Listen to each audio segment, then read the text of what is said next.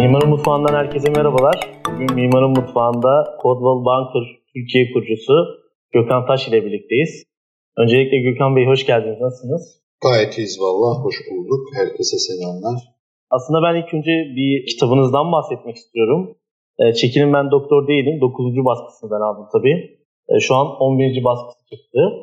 Kitabınızın ismi benim için e, çok dikkat çekici. Aslında o isim nasıl oluştu? Biraz da oradan bahsederek kitabın içeriğinden de bahsetmenizi isteyeyim.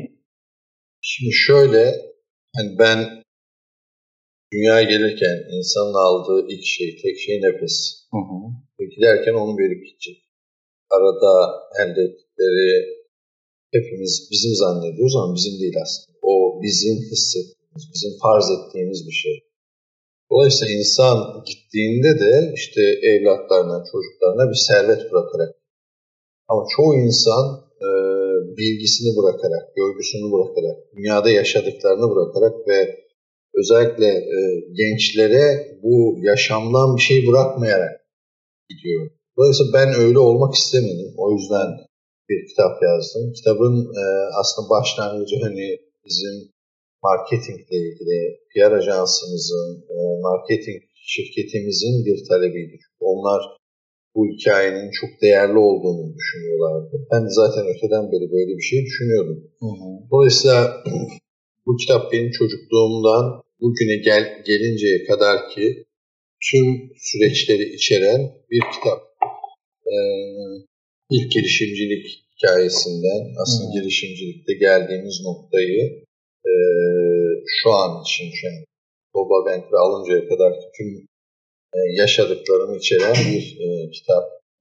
E, ismini de şöyle e, hani çok enteresan bir şekilde herkes işte doktor olmak ister. Tüm babaların, annelerin ideali odur çocuğunun doktor olmasını evet. istemektir.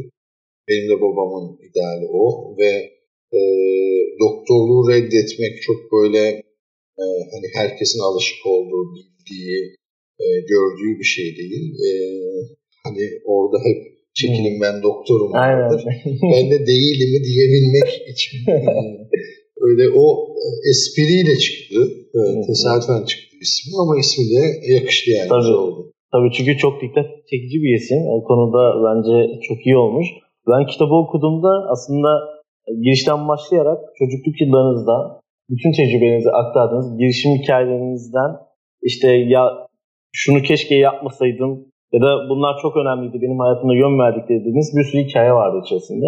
Bence gençlerin okuması gereken bir kitap. Onu da şimdiden tavsiye edelim. Ee, şöyle orada hani bize Amerikanca yöntemler hep şeyi çok hızlı 10 tane şeye e, dikkat edersen 12 tane yolu var Evet. e, yaparsan işte dünyanın en iyisi olursun falan derler. Başarısızlık hikayeleri genelde e, anlatılmaz. Yani hep başarı hikayesi anlatılır. Hı hı. Ben e, ticarette de e, satışta da şunu gördüm. Şimdi ticaretin bir okulu yok. Hı hı. Hayatın en orta yerinde bir şeyin nasıl okulu olmaz diye düşünüyorsun. İşte satışın da genel anlamda bir okulu yok. Evet. E, baktığınız zaman ticaret kazanarak öğrenilen bir şey değil. Hı hı. Kaybederek öğrenilen bir şey. O zaman öğreniyorsunuz ve o zaman kazanmaya başlıyorsunuz. O kayıplarda ayakta kalmayı eğer başa- başarabilmişseniz devam ediyor. Ee, bir boksör yere düştüğü için bu maçı kaybetmez. Ona kadar sayıldığı halde ayağa kalkamadığı için kaybeder. Evet. Orada da ben ticaretin, başarının çok ama çok uzun soluklu bir e, yol olduğunu, bir maraton olduğunu, bunun 100 metre koşu olmadığını, benim defalarca kez e, kendimi çok tecrübeliyken de yere düştüğümü, e, sermayem varken bile yere düştüğümü ama mücadele etmeyi bırakmadığımı ve eğer belirli başarılar elde ettiysem de bunun çabanın, azmin, sabrın e, sonunda sebat etmenin sonunda olduğunu Evet. e, ve belirli başarılar elde etmenin de insanın şımartmaması gerektiğini, hep önüne yeni hedefler koyması gerektiğini e, kendi hayat hikayem üzerinden anlatmaya çalıştım. Burada çocukluğumda anlattığım hikayeler var. Evet. İlk iş kurduğumda anlattığım hikayeler var. Bu hikayelerin her birinde aslında kendi aldığım dersi mesaj olarak birilerine iletmek istedim. Hı hı. Yani bunu iletebildiysem benim için ne mutlu. Yani e, çünkü e, esirgememek lazım. Hesap yapmamak lazım. İnsanlara vermek lazım. İnsanların nezdinde ve gözünde onlara gerçekten fayda sağlarsanız, e, onların yaşamına katkıda bulunursanız bir yere gelirsiniz, bir yerdesinizdir. E, yoksa yoksunuz. Yani o anlamda e, iyi de oldu. 90 bine yakın satış oldu. Kesinlikle. Bir de bu kitabın aslında gelirleriyle planladığınız bir okul projesi varmış. Aslında ondan da bahsetmeniz çok iyi olur. Yani şu an bu 90 bin kitabın gelirleriyle ne yapmayı planlıyorsunuz? Ondan da bahsedebilir misiniz? Şimdi şöyle, ben e, Çıldır'da doğdum. Ardahan Çıldır ilçesinde. Kars'ta büyüdüm. E, ben yaşadığım için bana tuhaf gelmeyen ama e, başkaları duyduğunda enteresan gelen bir hayat hikayesi var. Anneannemlerin erkek çocuğu yok diye beni onlara vermişler. Ben oradayken e, anneannemin de erkek çocuk olsun diye bir kuma almışlar anneannem benden çok önce. Onun da çocuğu olmuş. E, dolayısıyla e, ben annemi e, ve babamı onlar bildim. Yani anneannem e, bir anne olarak, dedemi de baba olarak bildim ve onların üzerine kayıtlıyım. 4 yaşına dedem ölmüş, babasız büyüdüm. E, iki anneannem beni büyüttü. Ve 12 yaşına gerçek annem babamı öğrendim. O zamana kadar abla dediğim insan meğersem annemmiş. Enişte dediğim insan meğersem babammış. Ee, ve o insanlar okuma yazma bilmiyordu. Ee, üniversiteye girdiğim dönem işte Anadolu Lisesi'ni kazanmışım. Haberim yok. Buna benzer şeylerin hepsinde ben hep şeyi söyledim. Keşke annenler okuma yazma bilseydi. Keşke ben işte okuma yazma bilen veya e, beni yönlendirebilecek bir ailenin yanında büyüseydim diye çok ahlanıp vahlanırdım yani niye böyle diye. Sonra e, tabii gençlikte, çocuklukta nehir çok hızlı akıyor. Ve dolayısıyla siz o akıntıya kapıldığınız zaman e, durup e, bir şeylerin farkına varamayabiliyorsunuz. Zaman geçtikten ve zemin oluştuktan sonra, nehir durulduktan sonra oturup kendime baktığımda şunu gördüm. Ee, okuma yazma bilmeyen annemler sayesinde ben daha ilkokula gitmeden kafadan toplamayı öğrendim, çıkarmayı öğrendim, çarpmayı öğrendim, parayı öğrendim. Ee, 10 yaşında evin bütün e, alım, satım işlerini yapmaya başladım. E, dolayısıyla ticareti öğrendim ki o ticaret katıksız bir ticaret. Sizin koyunlarınız var, inekleriniz var. Onu satıyorsunuz. Pazarlık yapmayı bilmeniz lazım. İşte e, saman alıyorsunuz, pazarlık yapmayı bilmeniz lazım. Evet. Un alıyorsunuz, şeker alıyorsunuz. E, dolayısıyla hayatı birilerinin belki 30-40 yaşında öğrendiğini ben 13-14 yaşında yani onların öğrenden daha çok şeyi öğrenmiştim. Bunu da öğreten insanlar, annemler e, bu hani dervişlik için e, hayatı çözmek lazım. E, annem mesela ticaretle ilgili bana şeyi söylerdi. Ticarette en büyük hile dürüstlüktür oğlum derdi. Bunu çok az kişi yapar. Yapan da eninde kazanmaz, sonunda kazanır derdi.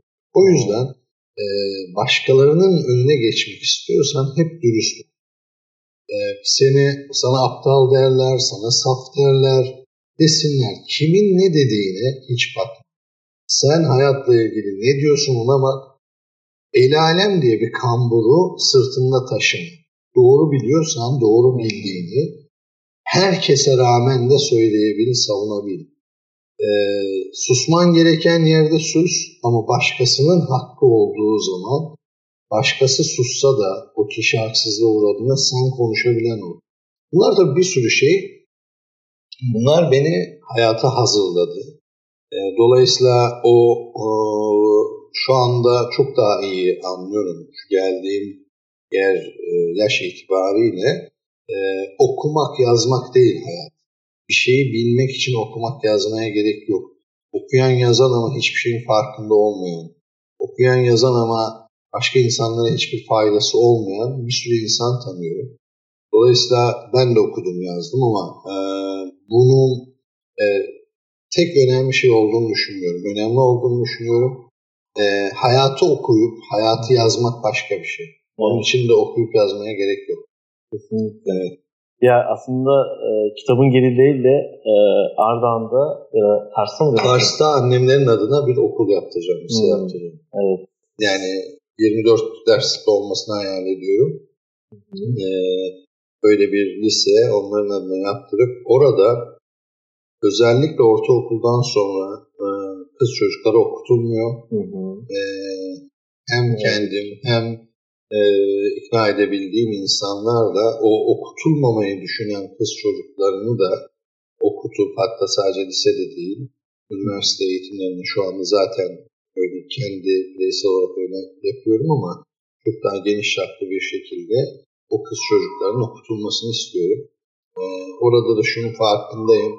Sevgili Neşet Ertaş'ın bir e, lafı vardır. Hani e, biz e, insanoğlu dediği ana insandır diyor. Dolayısıyla kadın eğer e, gerçekten hayata vakıfsa, gerçekten ayaklar üzerinde durabiliyorsa, kendine güvenebiliyorsa, kendine güvenen ve kendi kaderini değiştirebilen çocuklar yetiştirebiliyor. Dolayısıyla o hmm. kızları hayatın içerisine çekebilmek için de e, bunu düşünüyorum, hayal ediyorum inşallah gerçekleştiririz. Yani bir tarafta okuyup yazmak önemli değil diyorum. Evet. Öbür tarafta da okuması evet. önemli. Yani birey olarak ayakta durması, özellikle kadınların ayakta durması lazım. O olursa ondan sonra gelecek, ondan oluşan çocuklar da e, gerçekten e, güçlü bireyler oluyorlar. Evet. Evet ya ben biraz böyle gençlik yıllarında, üniversite yıllarından e, başlamak istiyorum. 1991 yılında Gata Tıp Fakültesi'nde eğitim hayatına başladınız ve Trakya Üniversitesi Tıp Fakültesi ile tamamladınız. Şimdi şöyle bir konu var. Kitabınızda sizin Boğaziçi Üniversitesi mühendislik hayaliniz varmış. Ama siz tıp okudunuz. Evet. Ee, orası nasıl gelişti? Oradan da bahsetmek ister misiniz? Kariyeriniz nasıl bir, bir tıpçı olarak evrildi? Tıbbiyeden ara sıra doktor çıkar, siz nasıl çıkmadınız gibi bir şey. Şimdi şöyle, ben 16 yaşında İstanbul'a geldim lise 3'te. Babam bir öğretmen. Yani 12 yaşında zaten annem babam öğrendim. Ee, 74 doğumluyum ve benim civarımda doğan insanlar genel anlamda babalarının, annelerinin beceremediği, yapamadığı, yapmak istediği veya toplumda herkesin istediği şeyleri yapma gibi bir e, meslek sahibi olma gibi evet. bir idealin içerisindeydiler. Ve bu herkes tarafından gayet doğal, normal karşılanan bir şeydi. Şimdi babamın tek ideali askeri doktor olmakmış. Öteden beri. Babam da 48 doğumlu. Ee, şimdi ben ona çok karşı gelemedim. Birinci tercih katayı yazmak zorunda kaldım. Ee, ya Boğaziçi Endüstri Mühendisliği ya da İTÜ İşletme Mühendisi vardı. Onu istiyordum aslında. 52'de 52 matematik yapıp oraya girmiş oldum. Ee, şimdi 52 matematiklerimiz yani full evet, oluyor. Türkiye'de evet. evet 3 kişiden birisiydim. Milyon civarında giren vardı. Ee, şimdi sonrasında hani e, zorunda kaldığım bir ilişki, bir evlilik düşün. Sevmeye çalışırsın. İlk başta sevmeye çalıştım. Ee, ama şunu gördüm. Ben o askeri disiplinin içerisinde olabilecek birisi değilim. Hmm. Yani çünkü beni yetiştiren insanlar beni gerçekten etrafımdaki o anki yani şu anki gençler nasıl ki hayır cevabına alışık değil, ne istiyorlarsa söyleyebiliyorlar, e, ne istiyorlarsa yapabiliyorlar. Ben de öyle yetiştirildim. Çok özgür bir e, şeyim vardı. E, bunun bana uymayacağını düşündüm. Şimdi doktorlukla ilgili de biraz da belki babama tepki olarak yani doktorluk yapmak zorunda olduğunuz için yapabileceğiniz bir iş değil. Gerçekten evet. istemeniz lazım. Çünkü insan hayatıyla ilgileniyorsunuz. E, dolayısıyla e, doktorluğu da istemedim. Ben 4. sınıftan 95 yılında ayrıldım. Ayrılırken hatta şöyle bir şeyimiz oldu. Babamla konuştuk işte babama dedim bu böyle böyle ben artık değişimi kestiler ayrıldım. Oğlum sana saygı duyuyorum dedi. Ben 4 yıldır orada kalman için mücadele ediyorum. Ama bana saygı duymanı istiyorum dedi. Bize gelme dedi. Nereye gidersen git dedi. 2001 yılına kadar da benimle konuşmadı. Sonra tabii af çıktı. 97'de Trakya Tıp'a girdik. 2004'te ee, Yalvar Yakar'ın e, bu işi yapmayacağım, yemin ediyorum yapmayacağım sadece diplomu için diyerek öyle şekilde bitirdik. Ee, burada tabii şöyle bir şey var. Ee, şimdi biz mesela gayrimenkul iş yapıyoruz. Bizde 1700'e yakın gayrimenkul danışmanı var. Hiç kimse çocuğunu doğarken, büyütürken, gençken, bir mesleğe girerken, üniversiteyi bitirirken, oğlum büyüyünce emlakçı olacak, benim oğlum çok iyi emlakçı olacak falan ne büyütmüyor? Evet. İşte tüccar olacak diye belki büyüten aile tüccarsa var ama Hı hı. genel anlamda insanlar, şimdi benim de 19 yaşında ikiz kızım var, 16 aylık ikiz oğlum var. Allah zaten Çift ikiz. Evet. Ee, fakirlere teklif veriyor diyor. ne diyeyim öyle bir espri var ya. evet evet. Ee, Bu arada benim de ikizim var. oo, Aa, evet çift yumurta ikizi. süper. Ee, kız mı erkek mi? Erkek o da. O daha uzun, daha kısa, daha Aynen daha farklı. Biraz daha e, kumral. Benden daha açık tenli. Bizimkiler de ayrı yumurta. Ee, şimdi hani şu anda okuduğunuz mesleği yapma gibi bir şeyiniz yok. Evet. Yapabileceğinizi yapmak, istediğinizi yapmak gibi bir şey çok daha fazla gelişiyor. Ama o dönemler öyle değildi. Hele ki doktorluk gibi işte e, altın bilezik takmışsın, nasıl bunu bırakırsın. E, tabii e, başaramamış olduğunuzda e, ömrünüz boyunca suçlanacağınız bir kara olarak durur. Evet. Ama başarı her, her şeyin süpürgesidir. Başardığınız zaman da o karar iyi ki işte sen ne kadar güzel cesurmuşsun. Ee, Yani hayatta en zor şeylerden birisi vazgeçmek. Hmm. Elindekinden vazgeçmek, edindiğinden vazgeçmek, hakkından vazgeçmek. Ben vazgeçebilecek kadar güçlü olabildiğimi inandım. O zaman da inandım. Vazgeçtiğime çok pişman olduğum oldu. Ee, ama e, şöyle başarıdaki bir sır da bir şey yapmak zorunda kalmak. Ben zaten vazgeçmişim yani okuldan ayrılmışım. Ee, e, bu tarafta artık oraya geri dönüşüm yok. Yani bu tarafta da başarmak zorundayım çünkü çok kötüydü durumum. Yani hani e, hiçbir gelirim yok, çalışmama rağmen e, para biriktirmem zor oldu. E, ama devam ettiğinde başarıyorsun yani. Şöyle aslında bir soruyla devam etmek istiyorum. Tam da e, ilk iş hayatı tecrübenizde Pepsi'de başlıyorsunuz. Sonrasında e, Pepsi öncesinde farklı girişimleriniz tabii oluyor. Kitabınızda da okumuştum. Siz gençlik yıllarınızı nasıl tanımlardınız? Nasıl girişimlerle başladınız? O süreçten de bahsetmek ister misiniz? Ya şöyle aslında o çocukluktaki girişimler mesela e, bizim hemen evin yanında bir okul vardı. Okulda da kömür sobası var. Sabahtan öğlene kadar kömür yanıyor. İşte saat 1'de tekrardan kömür değiştiriliyor. Saat 4'e kadar yanıyor. Kömürün belki yarısı yanmıyor. O kömür, ora bizim evin yanı olduğu için. Neden bilmiyorum ama o kömür benim diye, bizim diye. Ben mesela onu arkadaşlarla beraber toplardık. İşte kahvehanelerle anlaşmıştık. Kızaklarla götürürdük. Ee, onları kahvehanelere satardık. İşte yüzdelisini ben alırım. Geri kalanı paylaştırırdık. ee, ondan sonra çekirdek çok uzun zaman sattım. Ee, yani Kitapta da bahsediyorsunuz. Evet, e, birçok girişim aslında yaptım. E, yani o biraz da mesela e, apartmanlara süt satardık. Annemler o sattığımız sütten aldığımız paranın %25'ini bana verirler. Hmm. Şimdi o beni mesela çok teşvik eder. Para biriktiriyorum, istediğim her şeye sahip oluyorum. Kazanmayı ve kendi emeğinle kazandığınla istediğini alabilmeyi e, çok küçük yaşlarda öğrendim. Birine bağımlı olmamayı, bağımsız olabilmeyi e, ve birinden yardım geleceğini görmeden kendine yaptığın işe, emeğine güvenerek ilerlemeyi çok küçük yaşta öğrendim. Çünkü babam yok, kardeşim yok. Yani e, ticaret de bir nevi bir kavga. Yani Hmm. tek başına girebilmeyi göze alabiliyorsan ve kimseden yardım gelmeyeceğini görerek ilerlemeyi artık bir anlamda kendi standartın olarak belirleyebiliyorsan ilerlemen diğerlerine göre daha e, iyi oluyor. Şimdi çoğu insan ticarete girecek sermaye olarak e, mesela e, işte ailesini desteklemesini istiyor, başkalarının desteklemesini istiyor. E, veya sıkıntı yaşadığında hep birilerinden bir destek talebinde bulunuyor. Birileri de ona destek veriyorsa aslında kendi ilerleyişini yavaşlatıyor. E, dolayısıyla ben öyle düşünmedim. O çocuklukta yaşadığım şeyler de e, Pepsi'den sonra iki yıl Pepsi'de çalıştım. Merchandise olarak başladım. Orada Migros'larda, büyük marketlerdeki, kamp dediğimiz marketlerdeki malları çıkarıp dolaplara diziyorduk, raflara diziyorduk, işte sergiler oluşturuyorduk. Yani bedenen çalıştığımız bir işti. Ee, sonra satış fetişi oldum. Oradan komün su açıldı. Damacana su işi Türkiye'de ilk komün getirmişti. Bir de orada çalıştım.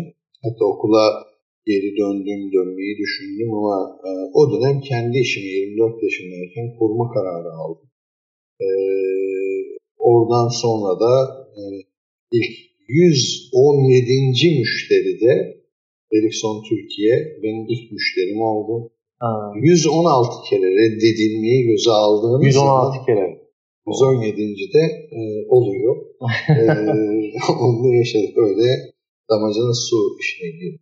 Ya aslında bahsettiğiniz tam böyle bir gelişim hikayesi. Sonuçta kaç kere reddedilmenize rağmen tekrar deneyip, tekrar ayağa kalkıp deneyip aslında bir girişim hikayesi. Ee, ben burada kitabınızda bahsettiğiniz bir cümleden referans alarak şans mı başarı mı üzerine bir cümleydi. Şans bulduklarınız, başarı ise değiştirdiklerinizdir. Sözüne ek olarak şu soruyu sormak istiyorum.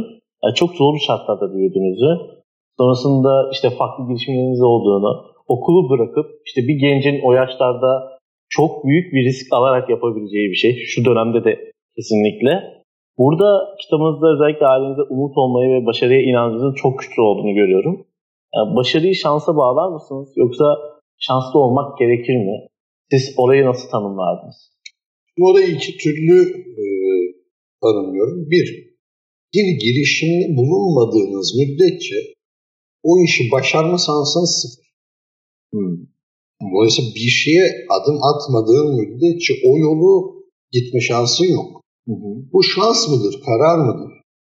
Ee, o girişimde bulunmak e, yani ben mesela tesadüfen su işine girdim. Hı hı. Tamamen tesadüf. Tesadüfen emlak işine girdim. Yani bilinçli böyle oturup business planlar yapıp bilmem ne falan değil. Hı hı. Şimdi bizim gibi ülkelerde zaten e, gelişimcilik biraz şöyle. Çırılçıplak soyunuyorsun. Kafadan aşağı yağ döküyorsun. Hı hı. Ya Allah Bismillah diyorsun. Peşte bir çekip gidiyorsun. Niye? Mesela çok basit.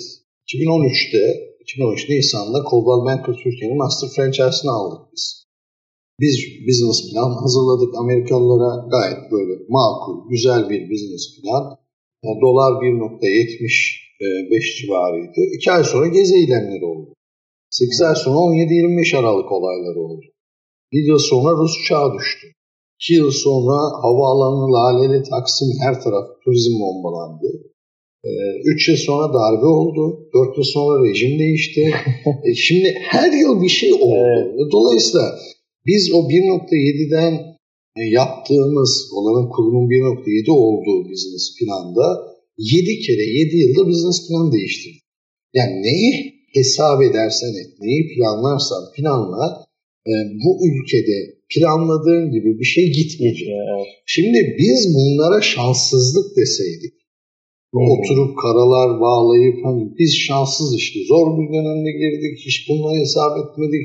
Bak başkaları batıyor, herkes kötü, biz de işte kötüye göre Atatürk'ün lafı var şerlerin en kötüsü ehveni şerdir diye. Evet. Yani onu şer olarak e, gördüğün zaman olmaz. Ben şuna inanıyorum.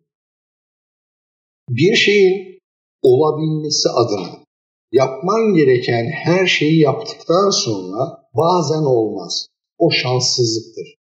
Ama olması şans değil. Hmm. Dolayısıyla bir de şu tarafından bakıyorum. Şimdi birilerinin doğduğu gün elde ettiğini, ben ölene kadar çalışsam da elde edemeyeceğim. Ama bu kader denilen bir şey var ve bunu kabul etmek istiyorum. Ee, yani o niye öyle, o şanslı, ben şanslım, ben öyle görmüyorum. Bana göre şans, ben doğarken neyi buldum? İki tane beni hayata hazırlayan çok güçlü kadın bunlar benim çok büyük şansım. Para olarak bir şey olmamış olabilir. Para çalışarak elde edebileceğin bir şey. Başararak elde edebileceğin bir şey. O yüzden şans o an buldu. Neyse. Başarı onu değiştirebiliyor musun? Onu ileriye götürebiliyor musun? Bazen de başarı doğarken bulduğunu elinde tutabiliyor musun? Evet. Şimdi o yüzden şans buldukları yani doğarken bulduğun, yürürken bulduğun, önemli olan onunla beraber o bulduğunu nasıl değiştirebiliyorsun? Başarı bence o. Hmm. Yoksa öbür türlü e, yani şunu söyleyeyim. Tanıdığım birçok insan var. E, yani kendilerini şanssız görüyorlar. E, şanssızlıksa kardeşim ben hepinizin gerisinden geliyorum. Yani ne sen bana göre çok daha şanslısın, bana göre çok daha iyisin. Hı hı. Ee, o yüzden e, kaderi suçlayarak bir ömür geçiren insanlar var. Evet. Kader herkese çabası yani şöyle özellikle face to face satış işi, yeteneğe dayalı satış işinde ben e, kadere inanmıyorum. Hmm. Çünkü nereden mezun olduğuna da bakmıyor birçok endüstriyel gayrimenkul danışmanlığı yaptığım zaman, brokerlık yaptığım zaman birçok değişik sektörde girişimciler gördüm. Bunlar Anadolu'nun çeşitli yerlerinden gelmiş, bir atölyede tornacı olarak başlamış, bir tekstil atölyesinde ortacı olarak başlamış. Yani bakıyorsun e, oranın sahibinin belki çok gerisinde başlamış. Sonra bir atölye kurmuş, sonra üretim imalathanesine döndürmüş, ondan sonra büyük bir fabrikaya döndürmüş. Hiç yabancı ülke görmeden, bilmeden, o dili bilmeden gitmiş, e, ihracata başlamış. Şimdi bunlara baktığımız zaman e, belki de bunların en büyük şansı geriden gelmek. Yani şans nerede durduğunuza bağlı. Çünkü geriden gelmenin şöyle bir e, şeyi var. E, hayata e, bir servetle başladığınız zaman e, bir süre sonra e, mücadele etmenin ne olduğunu bilmiyorsunuz. Öyle bir rüzgar geliyor, öyle bir deprem oluyor ki e, en ufak bir sarsıntıda o sarsıntıyı nasıl geçireceğinizi bilmediğiniz için şansla doğuştan bulduğunuz her şeyi kaybediyorsunuz. Evet. Ben o yüzden e, doğuştan servet sahiplerini şanssız olarak görüyorum. Aynen. Ya aslında girişimci hikayenin hepsini böyle sıfırdan başlamak yani sizin bahsettiğiniz geriden gelmek de aynı kavram. Yani ya orada şöyle bir şey var. Yani şunu şunu görüyorum. Ee, hiçbirimiz bir kral ve kraliçenin çocuğu olarak doğmadık. Doğamayacağız diyelim evet. böyle.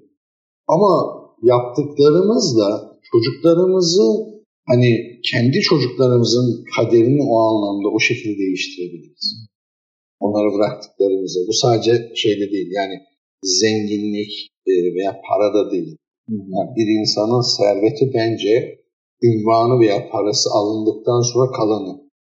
Evet. Onu çocuğa bırakabiliyorsan o zaman sen gerçekten parası alındıktan sonra. Evet. evet güzeldi. Şimdi ben aslında tüm başarılarınızı elde ettiğiniz e, soruyla başlamak istiyorum. 2006 yılında Lumax'e girerek işte gayrimenkulde tanışmanız, o serüveniniz başlıyor. Siz e, daha öncesinde böyle bir hedefiniz var mıydı? Yani ben gayrimenkul danışmanı brokerlık yapacağım diye. Yoksa... Yok şöyle aslında benim tüm başarım o değil. Ben 98 yılında 24 yaşında kendi işimi kurdum. Hı hı. Ve orada Erikli Suyun, Erikli Su markasının oluşmasına çok büyük katkım oldu. İstanbul Kumsal Vadisi'ydi. Ee, orada gidip Erikli'yi anlatıyorduk. İşte Bursa'dan geliyor sertliği bu yani hiç bilinmeyen bir şeydi. Ee, en son 2004'ün sonunda Erik Nesli'ye devredildiğinde benim de 30'a yakın bir yani araçlarımız vardı, işte 60'a yakın personelim vardı ve e, ben 30 yaşındayken hani çok büyük milyonlarca dolar ciro yapan bir şirketi sıfırdan kurmuş idim. Nesli'ye devredilince Erik'le ben de şirketimi fabrikaya devretmek durumunda kaldım. Hmm. Ben o, o kazanmış olduğum, almış olduğum parayla tamamen tesadüfen İstanbul Başakşehir'de gayrimenkul alıp satmaya başladım. E, baktım ki çok gayrimenkul bir insan hayatı boyunca aldığı veya sattığı en değerli şey. E, ve o dönemde pazar çok hareketli. Yani sürekli fiyat yükselen bir pazar var. E, işte bir gün 250 bin liraya daire alıyorsunuz. İşte bir hafta sonra 280'e satıyorsunuz. Şimdi o kazancı başka hiçbir yerde elde edilemeyeceğini gördüm. E, ve o öyle giderken bir gün bir yer aldık. 400 bin dolara bir villa almıştım. E, tapu devri anında e, onun 360 bin dolar olduğunu anladım. Yani o emlak işi yapan arkadaşın 40 bin dolar üstüne koyduğunu anladım. E, ve sırf ona kızarak emlak işine girdim aslında. Emlak danışmanlığı işine. e, kötü komşu e, insanı mal sahibi e, yaparmış. E, şimdi orada tabii ben bir franchise aldım Kiteli Organize Sanayi Bölgesi Basın Ekspresi'de. Ben o franchise alırken hiç hedefim yok. Yani hani e, Türkiye birincisi olayım, Avrupa birincisi olayım, dünya birincisi öyle değil yani. Hani benim çok basit böyle bir hedefim vardı. E, tabii vizyon o kadar darmış ki e, vizyon bir işe girdiğinde işi çözdükçe gelişiyor. Veya işte zorlandıkça gelişiyor aslında. Yani. E, benim hedefim şuydu işte gayrimenkul danışmanları bana uygun fiyatlı yer getirirler veya ben dışarıdan uygun fiyatlı yeri satın alırım onlar da satarlar gibi bir şey. Tabi orada bir ufak e, hesap hatası oldu. E, biz bu işe girdikten sonra emlakçılar bize portföy bana satmak için yani satın almam için portföy bilgisi getirmedi. Çünkü onun verdiği bilgi hani o zaman yetkiyle çalışan hiç kimse yok, sözleşme yapan hiç kimse yok bana o bilgiyi verdikten sonra ben almazsam benim ofisim o portföyü alabilir korkusu kaygısıyla.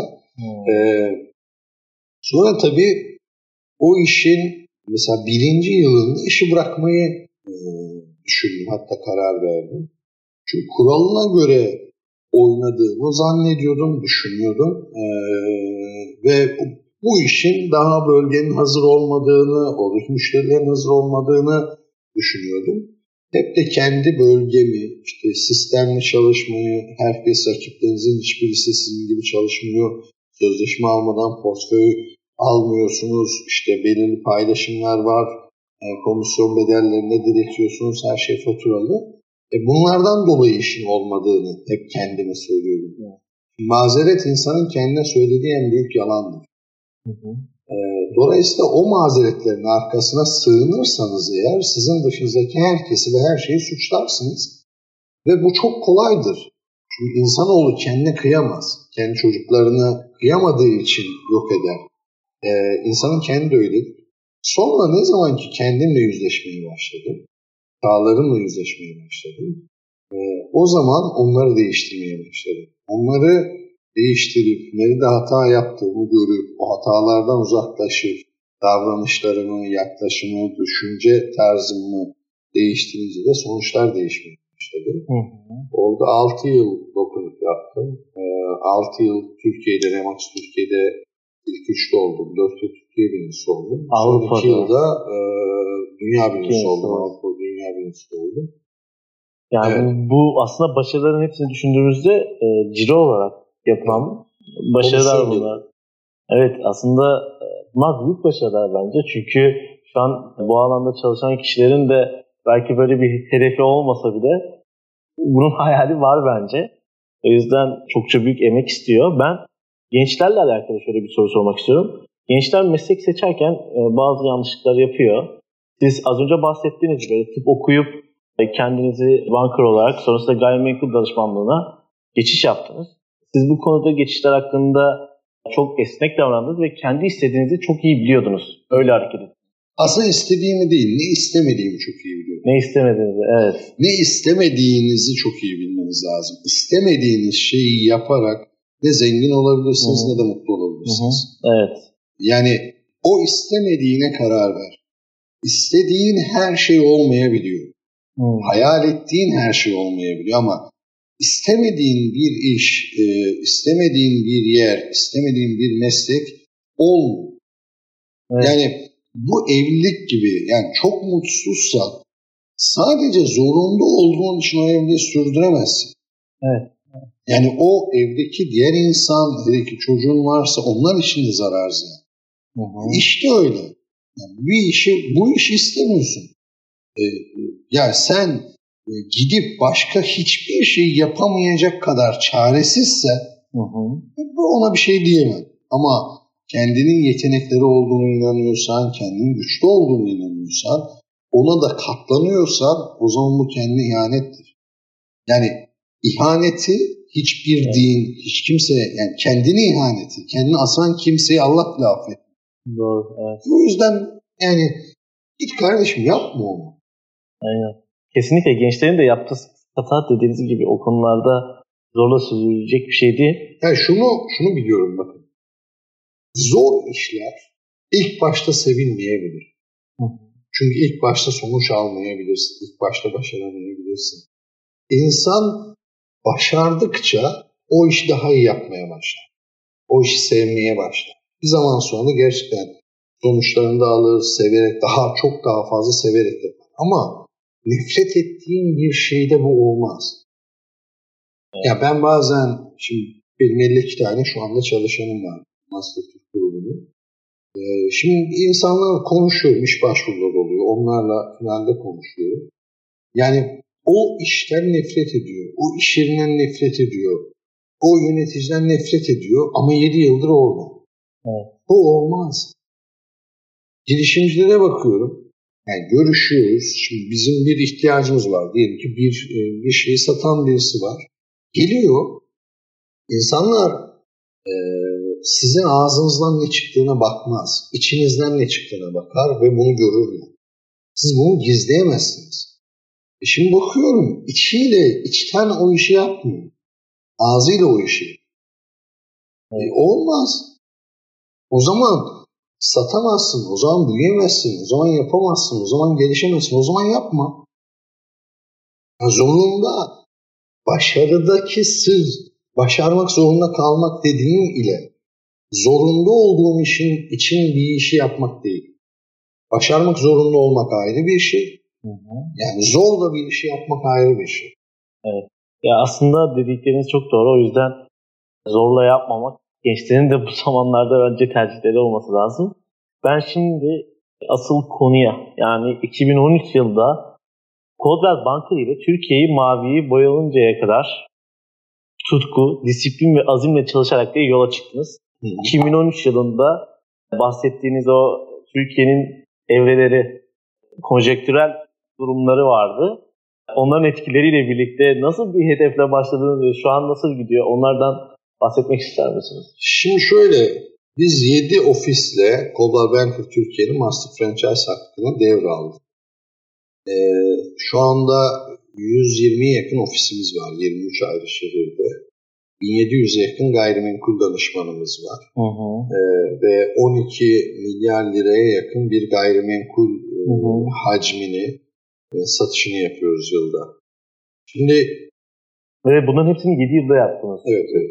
Çok büyük bir başarı çünkü dediğiniz rakamları düşününce yüksek bir büyüme görüyorum orada bu konjektürel etkilere rağmen. Ben şöyle düşünüyorum. Ee, bir hayaliniz varsa, hayal sizin hayatınız oluyorsa e, ve her şeye rağmen yere düşseniz de, canınız yansa da, canınız kanasa da, ayağa kalkmayı bilebiliyorsanız, yolda yürümeye devam ettikçe sizin hayalinize inanan başka insanlar size katılmaya başlıyor. Hı hı. Belki ilk başta bu çok az oluyor. İlk başta çok fazla sorgulanıyor bu hayal. Acaba ütopya mı? Acaba olur mu? Acaba olmaz mı?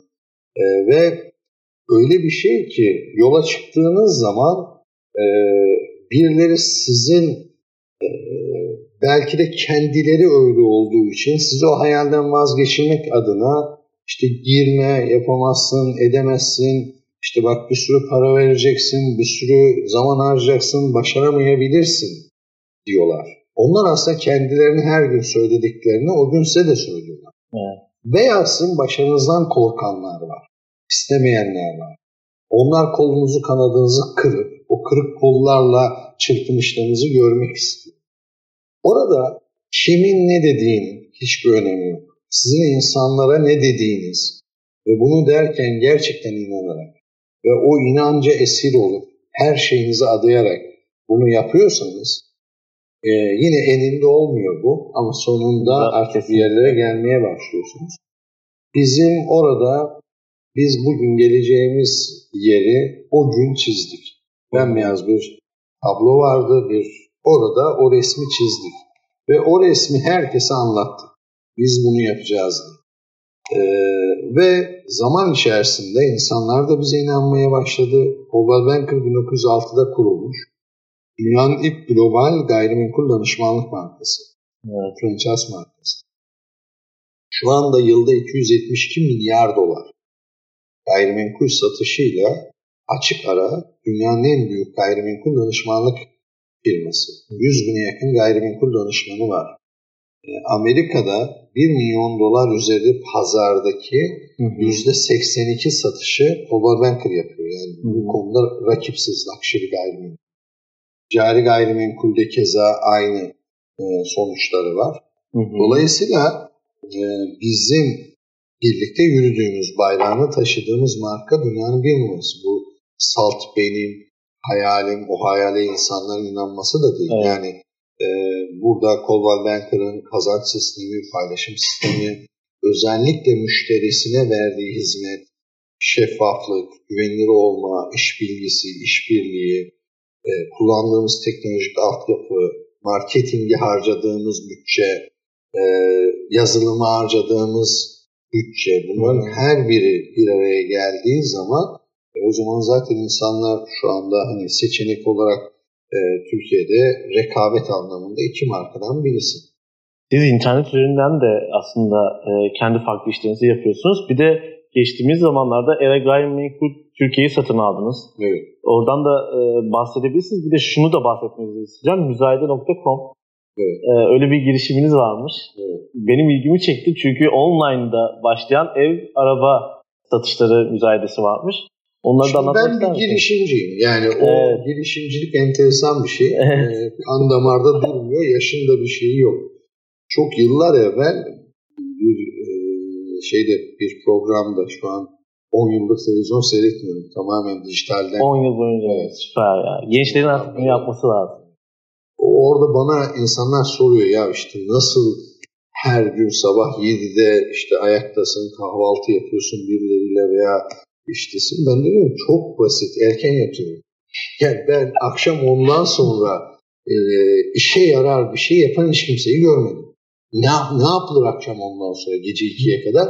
Boş şey yapılır. Yani hayata e, fayda sağlayacak bir şey değil. Ben de 11'de yatıyorum kardeşim. Yani sabah 5'te de kalkıyorum yani. Hani senden ben, başkasından bir farklı uyku şeyim yok. Orada o programda Besim Tübük şeyi söylemişti. Yani işte kapitalizm, emperyalizm, ya 72 yaşında adam, adam hala bir fabrika açmaya çalışıyor. Sen bu adamdan daha ne istiyorsun kardeşim demişler girişimcilerle ilgili.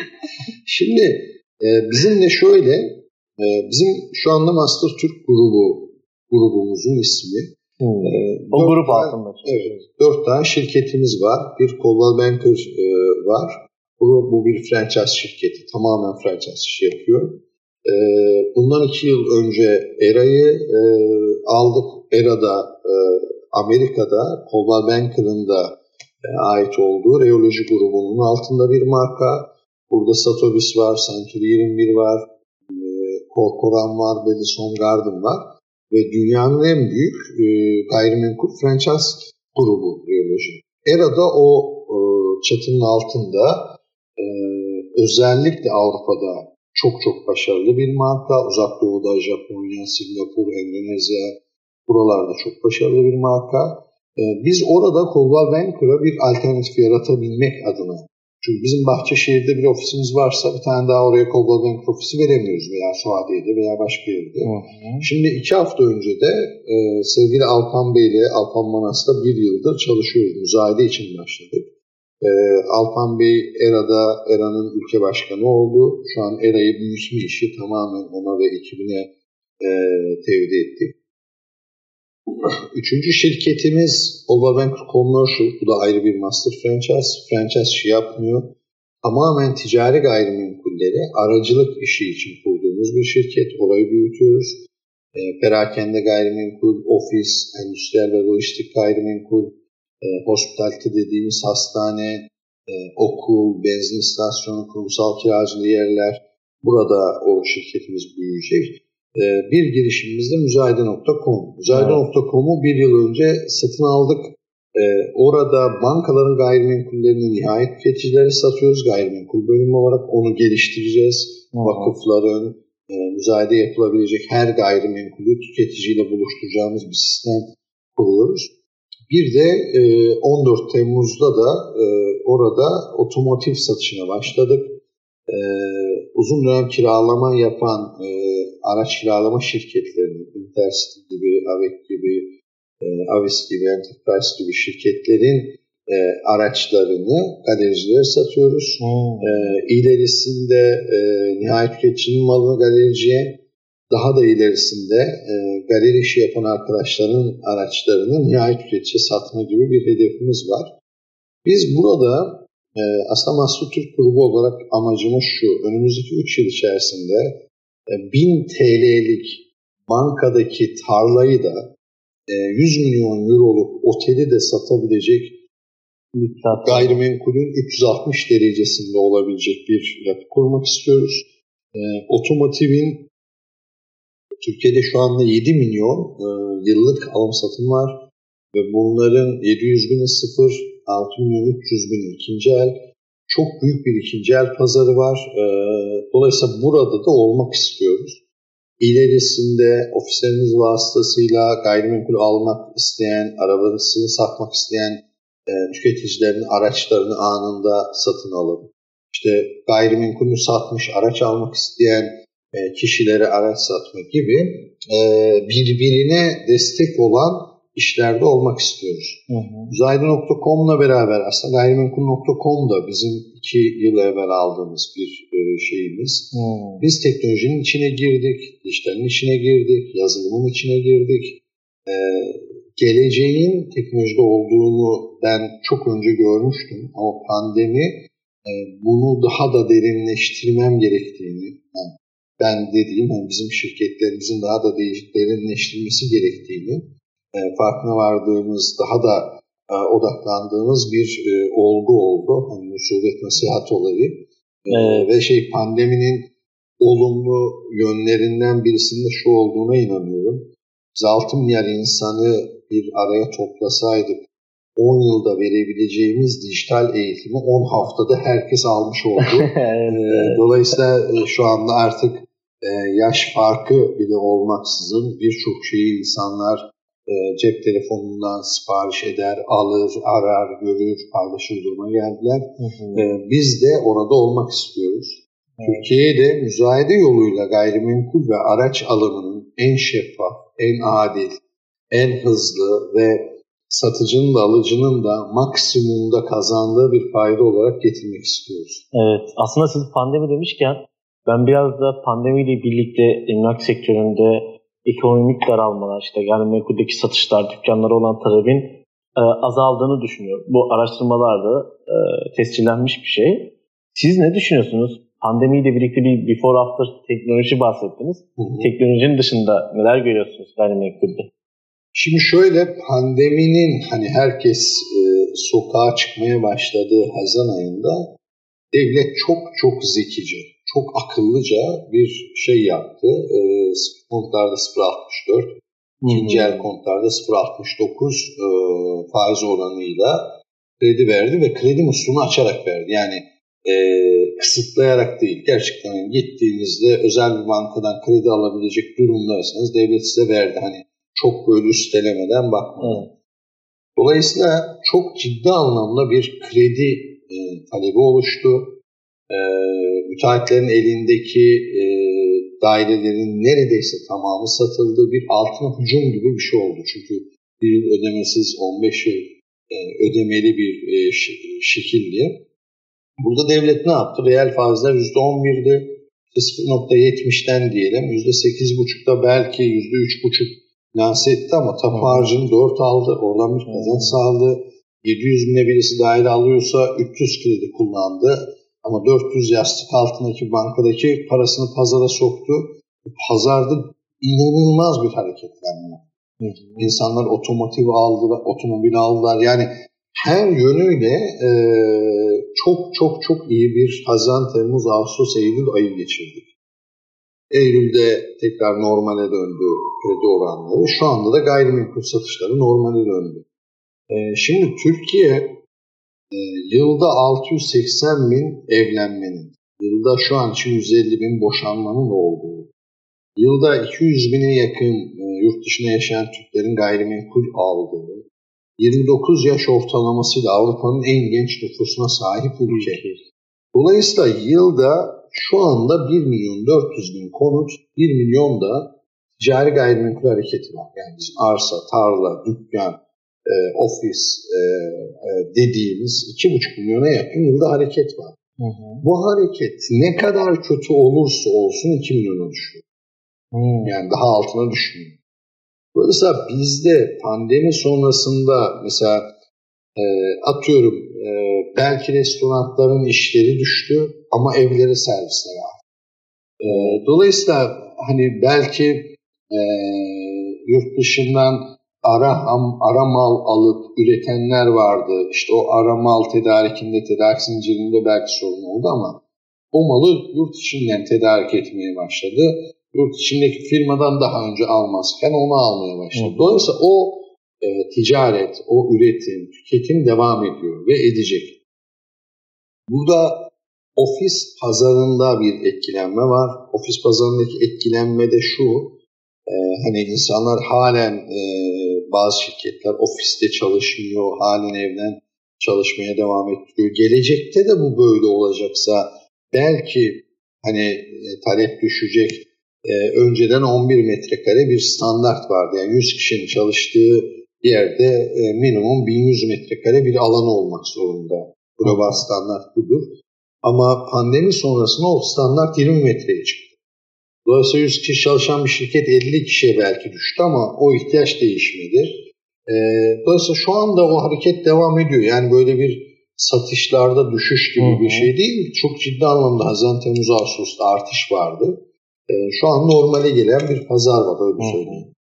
Peki gençlerin e, satış alanında yer almak istekleri nasıl şu an? Gençlerde bunun bir popülaritesi var mı? Sorduğunuz alan eğer gayrimenkul danışmanlığı ise, gayrimenkul satışı ise çok ciddi anlamda bir talep var. Ee, bizde özellikle 30 e, yaş altı insanlara ulaşmak için dijital marketingi çok kullanıyoruz. Ee, video ile marketinge başladık. Bizde bir dijital ekip oluşturduk. Evet. Pandeminin bize bir faydası da oldu.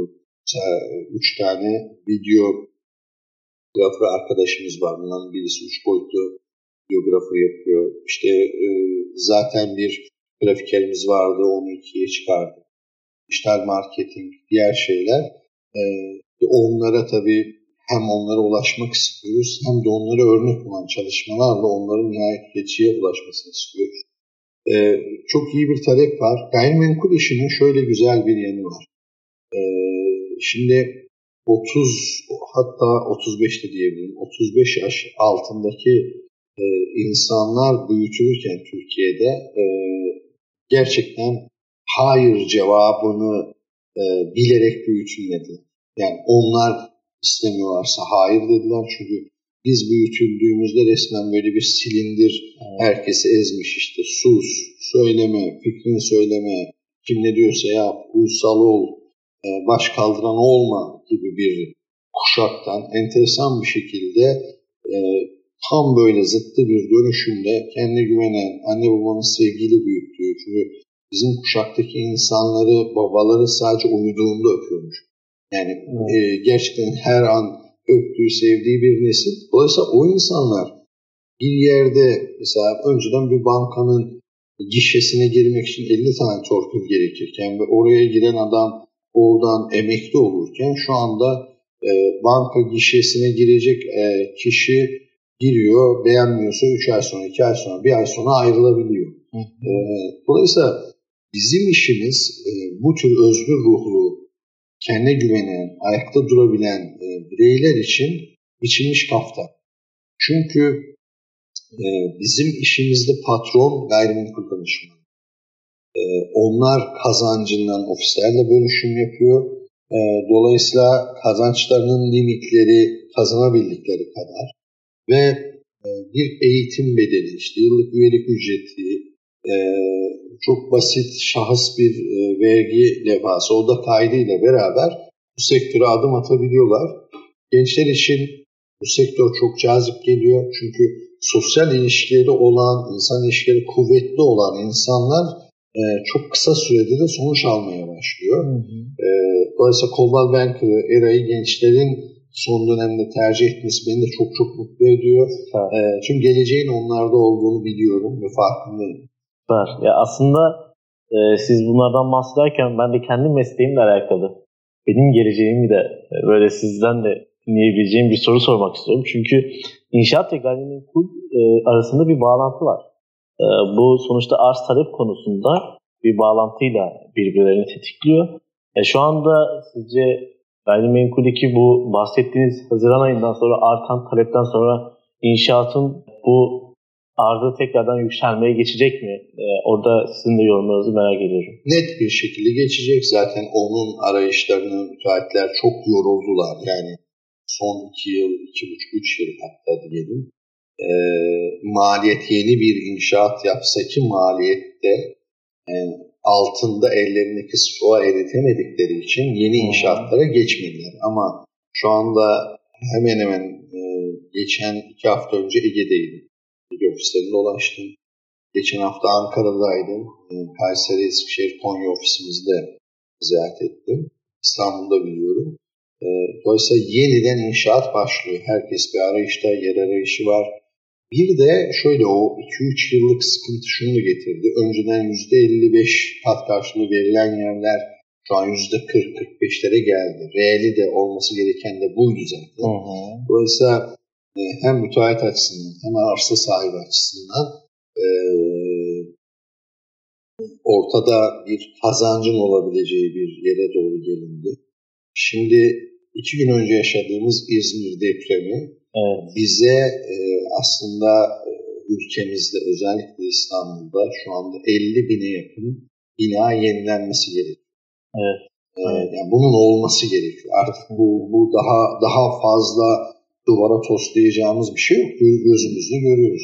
Dolayısıyla burada da bir potansiyel var. E, bu da inşaatların devam edeceğini gösteriyor. E, yeni konut arzının tekrardan yapılıp e, satışa sunulacağını gösteriyor. E, zaten bizim işimizde de yani biz genel anlamda ikinci el konuta bakıyoruz.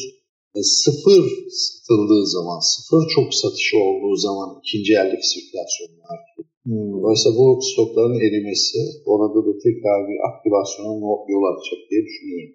Anladım. İşte yayınımızın sonuna geldik. Ama son iki sorun kaldı. Onları da sormak istiyorum. Ee, son 20 yılda artan girişimcilik etkileriyle startup ve teknokentlerin talebi çok fazla. Ve gençler bu alanda çok ilerliyorlar. Çok farklı fikirlerle, çok farklı hayallerle uğraşıyorlar. Ee, bu anlamda siz bir girişimci olarak bu gelişimi nasıl değerlendiriyorsunuz? Ee, etkilerini nasıl görebiliriz? Gayrimenkulde de olabilir. Şimdi şöyle, bir kere şunu söyleyeyim.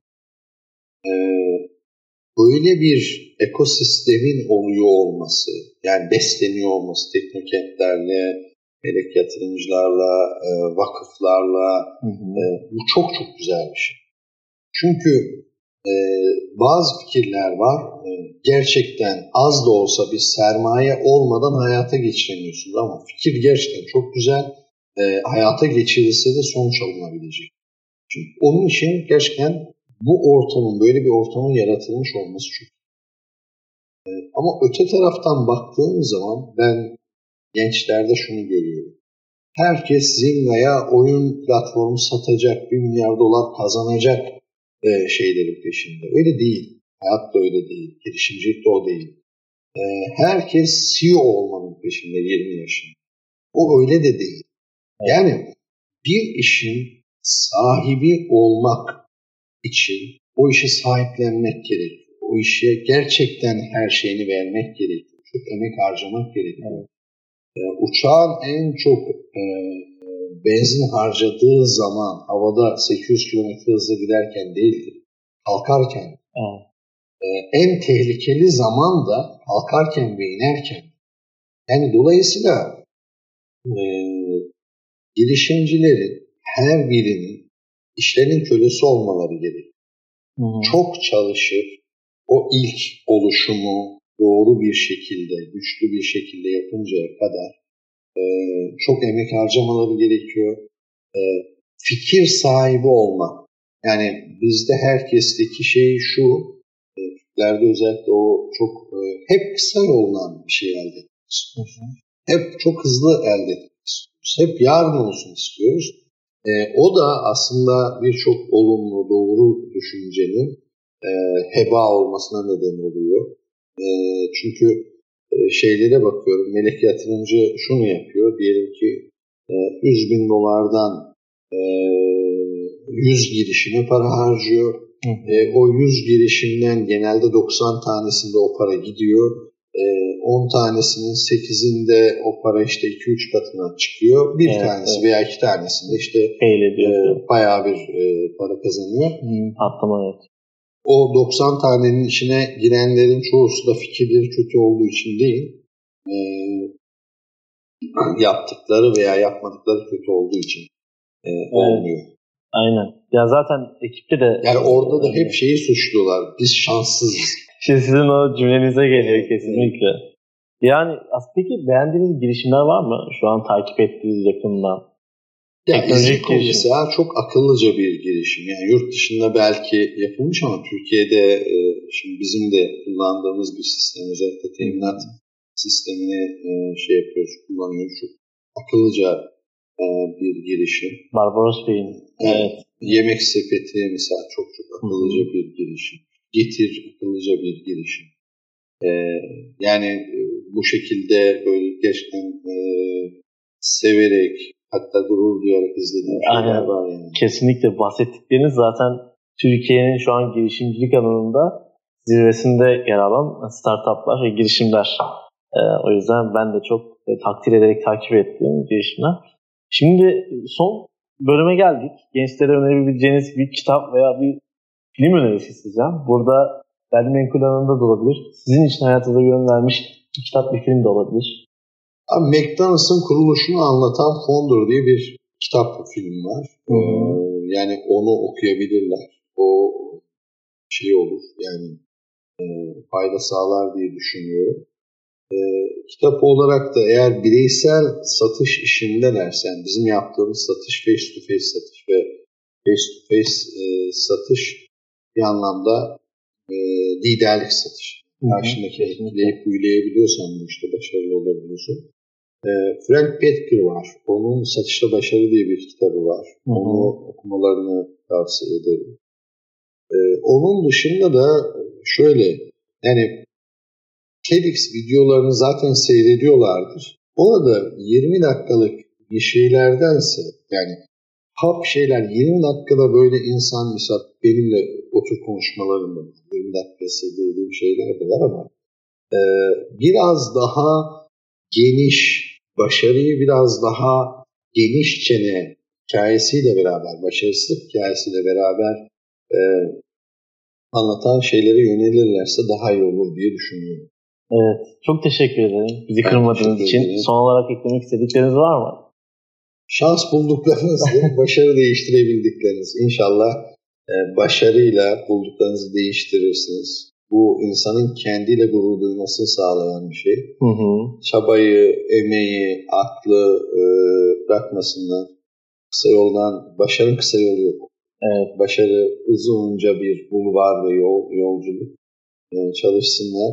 Hayallerinden e, vazgeçmesinler. Bekleyebileceğim bunlar. Herkese evet. çok teşekkür ederim. Ben çok teşekkür ediyorum bizi kırmadığınız için. Çok güzel bir yayın oldu. Bugün Godwell Bankı Türkiye kurucusu Gökhan Taş ile birlikteydik. Bizi kırmadıkları için teşekkür eder.